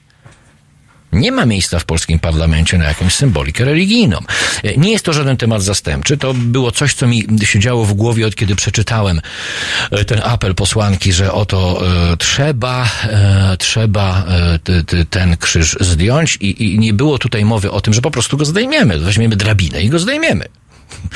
Tylko było tutaj takie e, mm, pseudo e, odniesienie się do pseudo odpowiedzialności, do takiej mądrości społecznej parlamentu, że oto trzeba go zdjąć i teraz podywagujmy, porozmawiajmy i podejmijmy sensowną decyzję. Nie, proszę Państwa, to tak nie działa. Po prostu, jeśli ma być normalnie, to przy okazji e, może takiej intuicyjnej budowy nowego fundamentu tej naszej rzeczywistości po ostatnich wyborach, chociażby w takim stopniu, w małym stopniu, po prostu ten krzyż powinien znajdować się w miejscu, e, w którym jest, e, e, które jest przeznaczone dla obecności tego krzyża. To jest kościół albo miejsce zupełnie prywatne. Parlament nie jest, Sejm nie jest ani kościołem, ani miejscem prywatnym, a kwestią zupełnie prywatną. E, jest kwestia e, wiary, nawet z jej demonstracją. Tak jak w moim przypadku jest to ta jarmułka, która odnosi się po prostu do tradycji, z którą jest mi dobrze, jest mi za pan brat. Przecież w tym studio pojawiają się, proszę państwa, osoby, które mają krzyż na piersi, czasem widoczny. Nikt ich z tego nie rozlicza. Nikt ich nie gani z tego powodu, bo to jest nasza prywatna sprawa.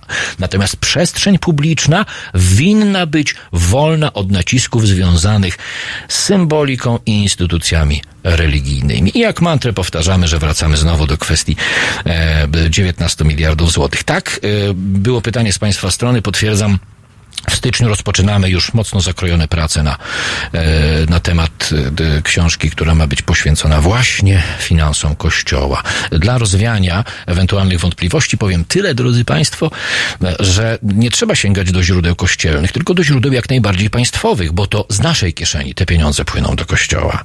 Więc nie musimy zaglądać do kościelnej kieszeni, musimy tylko zajrzeć do e, naszych kieszeni, które mają kanały połączone z kościelnymi kieszeniami. Po prostu tak to, tak to powinno działać. Wrócę do pewnej e, jeszcze kwestii zaległej, nie ukrywam tego, że zaległej, która bardzo mnie cieszy, e, szczególnie przy okazji e, Kongresu Praw Obywatelskich, bo jutro od dziewiątej również, proszę Państwa, w to studio będzie puste, ponieważ jesteśmy radiem z wizją, w związku z czym wizja jest tutaj, a radio zdarzy się podróżować. Na naszych profilach społecznościowych dokumentacja zdjęciowa, a w materii audio w dźwięku. E, znowu kolejne sesje, bardzo ciekawe naszym zdaniem sesji, jedna z nich zapowiedziana tutaj, w której będzie uczestniczyła pani profesor Ewa Łętowska, poświęcona właśnie problematyce Franków, Frankowiczom, e, których e, żywcem najchętniej by zakopały banki, albo znów pan prezydent e, zrobiłby z Frankowiczów idiotów i coś im obiecał przy okazji kampanii wyborczej. A, jeszcze jedna sprawa. Z całą mocą podkreślam, że nasza noblistka nie służy do tego, żeby pan prezydent wycierał nią sobie okres przedkampanijny. To zupełnie nie jest ten poziom to jest zupełne minięcie się intelektów, jeśli chodzi o pana prezydenta i naszą noblistkę. I to strasznie, e, przynajmniej w moim gdzieś tam środowisku, zostało e, niefajnie odebrane, bez żadnej agresji, tylko tak strasznie jakoś niefajnie zostało to odebrane, że jeszcze się kampania formalnie nie rozpoczęła, a pan prezydent już sobie naszą noblistką e, wyciera swój przedkampanijny okres. Dobrze, ale miałem o czymś wspomnieć przy okazji tego fantastycznego wydarzenia, jakim jest Kongres Praw Obywatelskich, który Możemy, proszę Państwa, transmitować, możemy dla Państwa ten kongres transmitować, możemy dla Was rozmawiać z bardzo przeciekawymi, przefantastycznymi, trochę nie po polsku mówię, e, gośćmi. Bez Was oczywiście to się nie będzie działo. To jest zupełnie jasne i to się nie będzie działo, ale o tym wszyscy wiemy. I tak naprawdę te dwa dni czyli e, piątek i sobota, dzisiaj i jutro, pokazują też, proszę Państwa, jak fenomenalnie technicznie możemy sobie e, dać radę, e, ucząc się też na własnych błędach, absolutnie tego ani ja nie ukrywam, ani nasz zespół nie ukrywa, możemy ucząc się, uczyć się na własnych e, e błędach e, przed czymś, co oczami naszej wyobraźni jest piękne i staje się bardzo ważne, bo dzisiaj też mieliśmy takie spotkania. niesamowicie wiele osób pojawiło pojawiło się w okolicy naszego studia, mówiąc, wiemy, kim jesteście, wiemy, co robicie, jesteśmy stąd i stąd. Ludzie z całej Polski, proszę Państwa, do czego zmierzam? Dostaliśmy już przynajmniej kilka dzisiaj zaproszeń do tego, żeby w okresie maj, czerwiec, lipiec, sierpień, wrzesień odwiedzić bardzo różne miejsca w Polsce. Fantastyczna sprawa, żeby ten nasz projekt Halo Polska nabierał rumieńców. Pojawiła się sonda oczywiście, to jest ta zaległa sprawa. 88% e, z e, e, tych, którzy wzięli udział w sądzie, to nie jest grupa reprezentatywna, ale jak dobrze pamiętam, było to, teraz już nie chcę zajmować Państwu czasu i szukać, ta sonda jest dostępna na profilu Halo Radiowym, na Facebooku. 700, 800 czy nawet 900 osób, nie pamiętam, z 88% z nich było za tym, żeby głównie z powodu absencji naszego kolegi redakcyjnego Wiktora Batera. Sprawy monitorujemy, jesteśmy w kontakcie i mamy nadzieję, że Witek wróci z początkiem stycznia do nas, no ale ten wyjazd e, do Rożawy się nie odbędzie, żeby te pieniądze przekierować, drodzy Państwo, na rzecz projektu Halo Polska, e, czyli mm, e, tych kilku miesięcy ciepłych, wiosennych, letnich, delikatnie jesiennych, spędzonych w trasie, spędzonych właśnie z Wami, w Waszej okolicy, w Waszym mieście, miasteczku, w Waszej wsi, bo chcielibyśmy poczuć, pokazać też całej Polsce i nie tylko Polsce, jak wygląda e, wasza mała, wielka ojczyzna, e, w której spełniacie się społecznie i obywatelsko. I za chwilę takich aktywistów, proszę Państwa, e, między innymi z okazji trzeciego Kongresu Obywatelskiego będziemy gościć w studio i to nie będą zwykli aktywiści, tylko naprawdę bardzo, bardzo mocno zaangażowani. Patrzę na Państwa komentarze i źle nie jest. A, dodam tylko, drodzy Państwo, że mm, jeszcze nie teraz, to wszystko będzie się działo w pierwszym miesiącu nowego roku. Uruchomimy oczywiście po prostu specjalną, dedykowaną projektowi Halo Polska skrzynkę mailową, gdzie będziecie Państwo mogli wysyłać według pewnych warunków, które pozwolimy sobie przedstawić, zaproszenia do tego, żebyśmy mogli w ciągu najbliższych, nie wiem, trzech miesięcy, na przykład do końca kwietnia e, albo do końca marca, skoro mamy ruszyć e, w maju, e, żebyśmy mogli zamknąć kalendarz naszych jazd po Polsce ze studiem Halo Radia, czyli ze studiem Halo Polska. Tak więc będziemy czekać na Państwa zaproszenia. Tam trzeba będzie kilka punktów wymienić, żebyśmy mogli poznać obraz, jaki mamy pokazać. Ale to wszystko przed nami. Strasznie mnie to cieszy. Strasznie mnie to cieszy także dlatego, że jesteśmy w samym środku tego trzeciego Kongresu e, Praw Obywatelskich i e, jak się tam jest na miejscu, proszę Państwa, wierzcie mi, to dopiero widać całą potęgę właśnie tej społecznej, obywatelskiej aktywności, która w Waszym przypadku, drodzy Państwo, objawia się tym, że własny produkt, jakim jest Halo Radio, po prostu finansujecie bo te transmisje nie byłyby absolutnie możliwe. To wyjście ze studia e, z kilkudziesięcioma kilogramami sprzętu, bo to tak wygląda, to już nie jest w tym przypadku tylko telefon, bo mamy i transmisję e, z sal, na których odbywają się prelekcje, a potem łączenie z naszym studiem kongresowym, przy czym emisja z tego studia kongresowego odbywa się w pół drogi, nie znam się na technice, ale mówię Państwu to, co obserwuję, w pół drogi pomiędzy Marszałkowską technologicznie, a miejscem, który którym jesteśmy. Tu jest współdziałanie na bardzo wielu frontach. Ono nie będzie możliwe bez państwa, naprawdę. To fantastyczna rzecz i to cała przyjemność jest, podkreślam, e, cała przyjemność jest po mojej stronie, że wraz z zespołem możemy robić dokładnie tak fantastyczne rzeczy, jak uczestniczyć e, w trzecim kongresie obywatelskim, spotykać się z ludźmi. Tam z całej Polski ludzie, proszę Państwa, przyjeżdżali, poprzyjeżdżali. Własne stoliki, małe stoliki, małe NGOsy, obok nich zaraz te średnie, większe, przefantastycznie czuje się tę energię wspólnoty w kraju, w którym obywatelską i społeczną wspólnotę chce się absolutnie od początku do końca zepchnąć do defensywy, ale dzięki takim projektom, jak właśnie Halo Radio, e, które ma na pokładzie e, e, już kilkadziesiąt, proszę Państwa, osób, po 21 premierowy program Radosława Grucy. Nowy człowiek na pokładzie Medium Obywatelskiego, także dzięki Wam. To wszystko się dzieje. A więc takie projekty, które pozwalają mm, połączyć w jednym miejscu bardzo wiele utalentowanych osób, które mają za sobą bardzo duże doświadczenie mm, w mediach, ale także tych, którzy dopiero się tych mediów, tych mediów uczą. Pan Adam napisał piękne słowa o Halo Radio z ust rzecznika e, Adama Bodnara. Tak, doktor Bodnar e, dzisiaj wielokrotnie odwiedzał e, nasze studio. Nie musieliśmy nawet prosić, doktor sam przychodził. Cała przyjemność także po naszej stronie.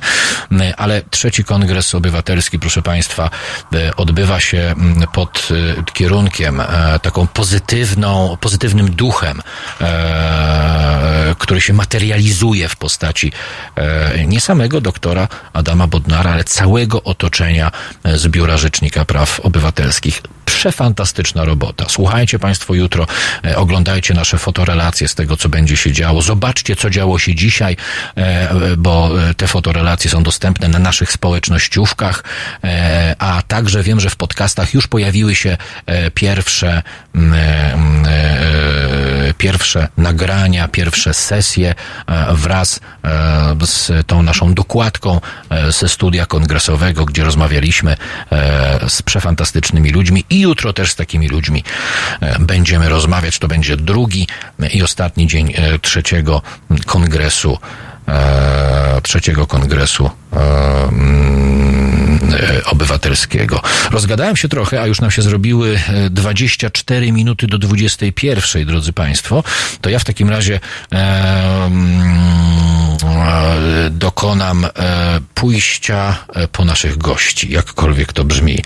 Wrócę za chwilę i spotkamy się tutaj z dwiema osobami, które bardzo mocno są w pewną sprawę zaangażowane, ale to nie będą tylko te dwie osoby, proszę Państwa.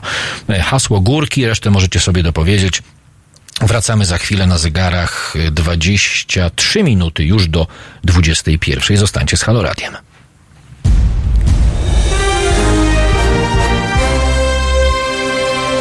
Halo Radio emituje swoje programy na żywo codziennie od 7 do 10 i od 15 do 23. W weekendy od 11 do 23. Nocą Halo Radio gra powtórki najciekawszych programów dla naszych rodaków z oceanu. www.halo.radio. Słuchaj na żywo, a potem z podcastów.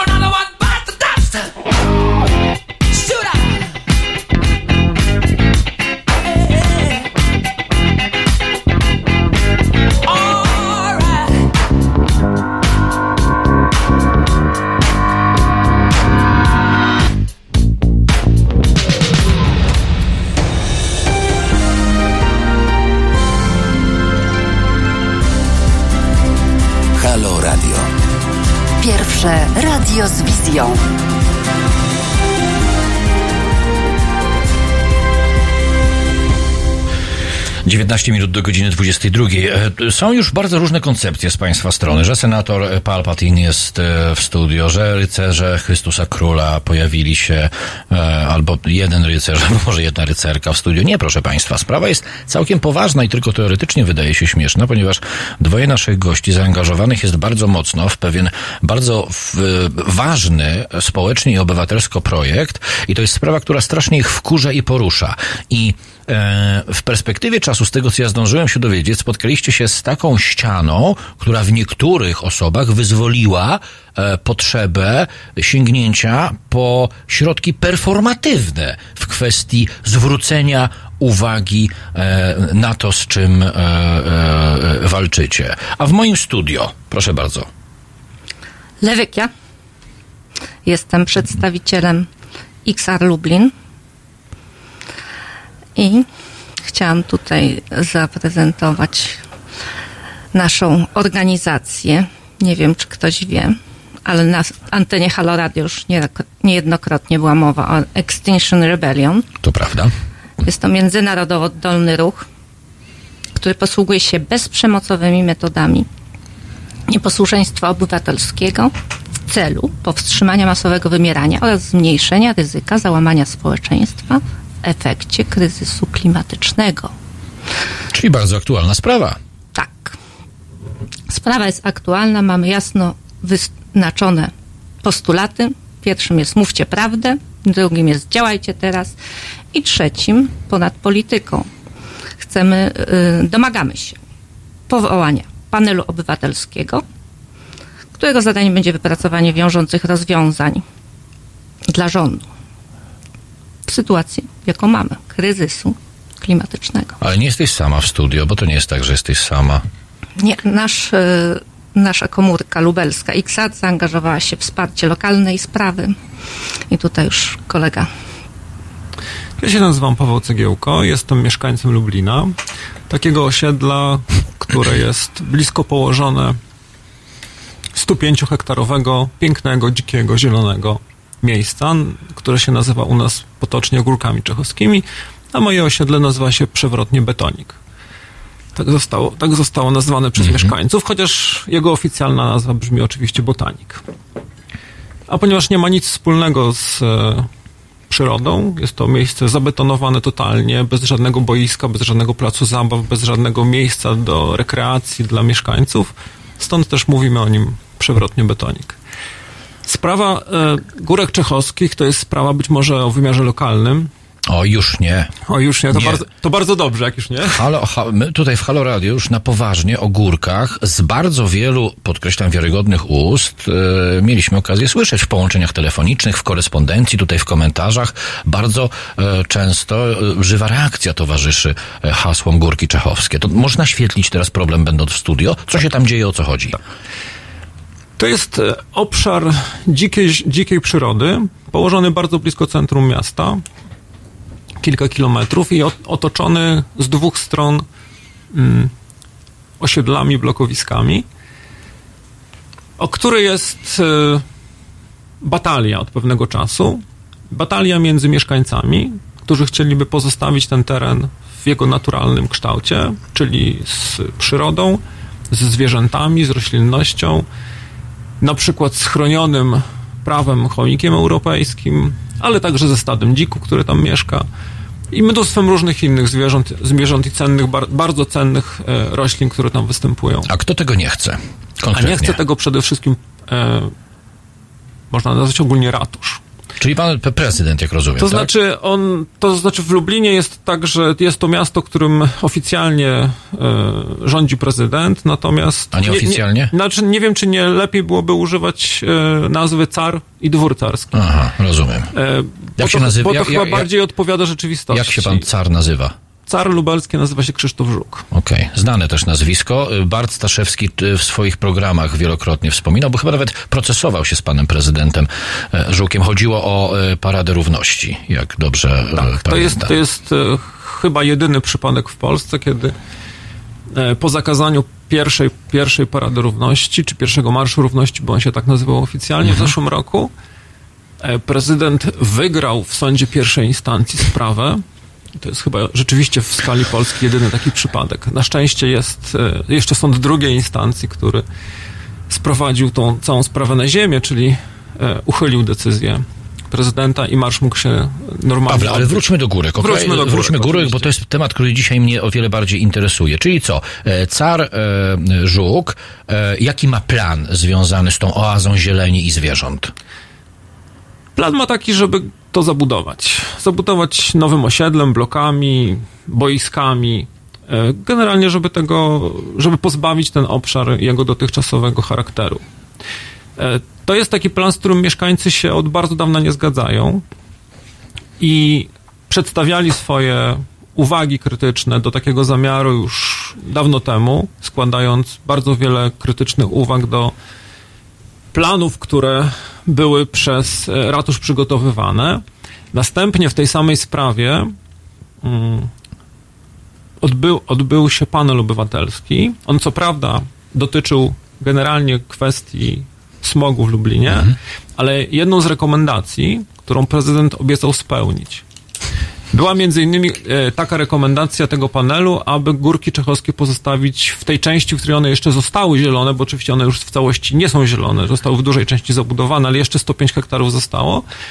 105 z ilu? 105 ze 150 e, jeszcze zostało. Czyli 10%. Nie, nie no. Czyli 105 ze 150, nie no. Dwie trzecie zostały, tak? Dwie trzecie jeszcze Poczekaj, są zielone. Poczekaj, 150 było. A 105 jest. A, dobra, przepraszam, 105 już okay. Tak. E, no więc w, pa w, panelu obywatelskim jedna z rekomendacji też była właśnie taka, żeby górki zostawić w całości zielone.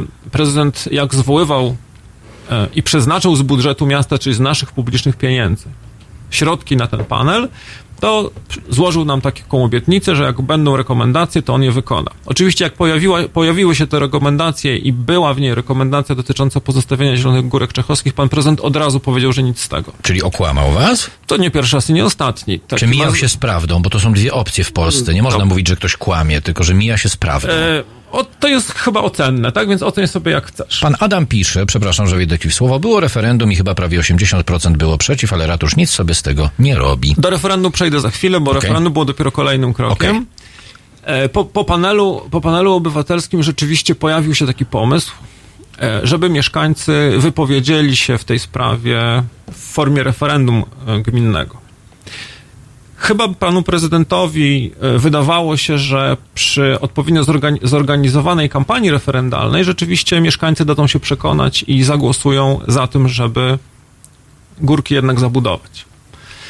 Ale to zupełnie nie wyszło, dlatego że mimo rzeczywiście mm, bardzo agresywnej kampanii, kampanii marketingowej, jaką przeprowadził deweloper, który chce te górki zabudować, e, mieszkańcy w około 67% zagłosowali przeciwko temu pomysłowi, a mieszkańcy z e, obwodów do głosowania położonych dookoła górek zagłosowali w prawie 80% za tym, żeby te górki pozostawić zielone. E, niestety była mała frekwencja w tym referendum, bo tylko około 13% mieszkańców uprawnionych do głosowania wzięło w tym udział. Niedobrze, niedobrze, niedobrze. Natomiast e, znak był wyraźny, tak? Jasne bardzo duża przewaga zwolenników pozostawienia górek, e, górek e, niezabudowanych. I to trochę zmieniło nastawienie, dlatego że myśmy się mm, w związku z kampanią referendalną, my jako mieszkańcy, jako, jako osoby, które się w to zaangażowały w, tam, w jakimś tam gronie, spotykaliśmy się z radnymi e, Rady Miasta Lublin, zaproponowaliśmy spotkania wszystkim, odpowiedziało trzech. Na 31. A To taka, to taka lokal, lokalna. Kto rządzi? Kto rządzi? Chcie- E, Tylko... no, Krzysztof Żuk i A- a, e, jeśli- w, Radzie Miasta, w Radzie Miasta jest klub e, radnych Komitetu Prezydenta Krzysztofa Żuka. Mhm, okej. Oni mają, oni mają e, 19 mandatów na 31 w Radzie, więc I z tej, resz- I z tej reszty e, też nikt nie był nie, nie, ze zainteresowany. wszystkich radnych odpowiedziało trzech. Ale żenada po prostu, jaka żenada. I Udało to się- samorządowcy w Lublinie. Tak, to samorządowcy w Lublinie. Udało, udało się wśród, wśród, tych, e, wśród tych e, radnych, udało się przekonać dwóch radnych z klubu prezydenta Żuka, żeby stanęli e, po stronie mieszkańców, co i tak uważam jest dużym sukcesem. Niesamowite, trzeba przekonywać radnych w Lublinie, żeby stawali po stronie mieszkańców. trzeba- Ewenement. Dlatego, dlatego też powiedziałem, że, Lub, że prezydent Lublina jest tak de facto carem Lublina i ma swój dwór carski. To nie jest w ogóle prezydent, mm, bo rozumiem, że mm, samorząd działa w ten sposób, że jesteśmy wspólnotą mieszkańców i jeżeli wybieramy swoich przedstawicieli do władz przedstawicielskich, to oni działają na naszą korzyść, w naszym interesie. Ale wiesz, ktoś, ktoś, go, ktoś, ktoś ich wybiera, ktoś ich wybiera. Tak, Widocznie komuś tak. to jak, z jakichś powodów odpowiada części mieszkańcom Lublina. To jest straszne. Pan prezydent Żuk ma w Lublinie bardzo duże poparcie. E, Jest prezydentem trzecią kadencję. Wygrał wybory ostatnie. To co, może, może to nie jest zły pomysł, żeby ograniczać ilość tych kadencji? Jak myślisz? Tak, no tak rzucam hasło po prostu. Wed- Według, według mnie nie jest to zły pomysł, ale tylko i wyłącznie w naszej rzeczywistości polskiej. Jasne. Dlatego, że w istocie jest tak, że w naszych, w naszych miastach, w naszych miejscowościach rządzą e, funkcjonariusze partii politycznych. W bardzo niewielu miejscach rządzą rzeczywiście osoby związane z mieszkańcami, z ruchami miejskimi, lokalnymi, Jasne. społecznicy, aktywiści, ludzie, którym rzeczywiście zależy na podnoszeniu jakości e, usług publicznych e, na szczeblu lokalnym i którym zależy na tym, żeby mieszkańcom żyło się tam po prostu jak najlepiej.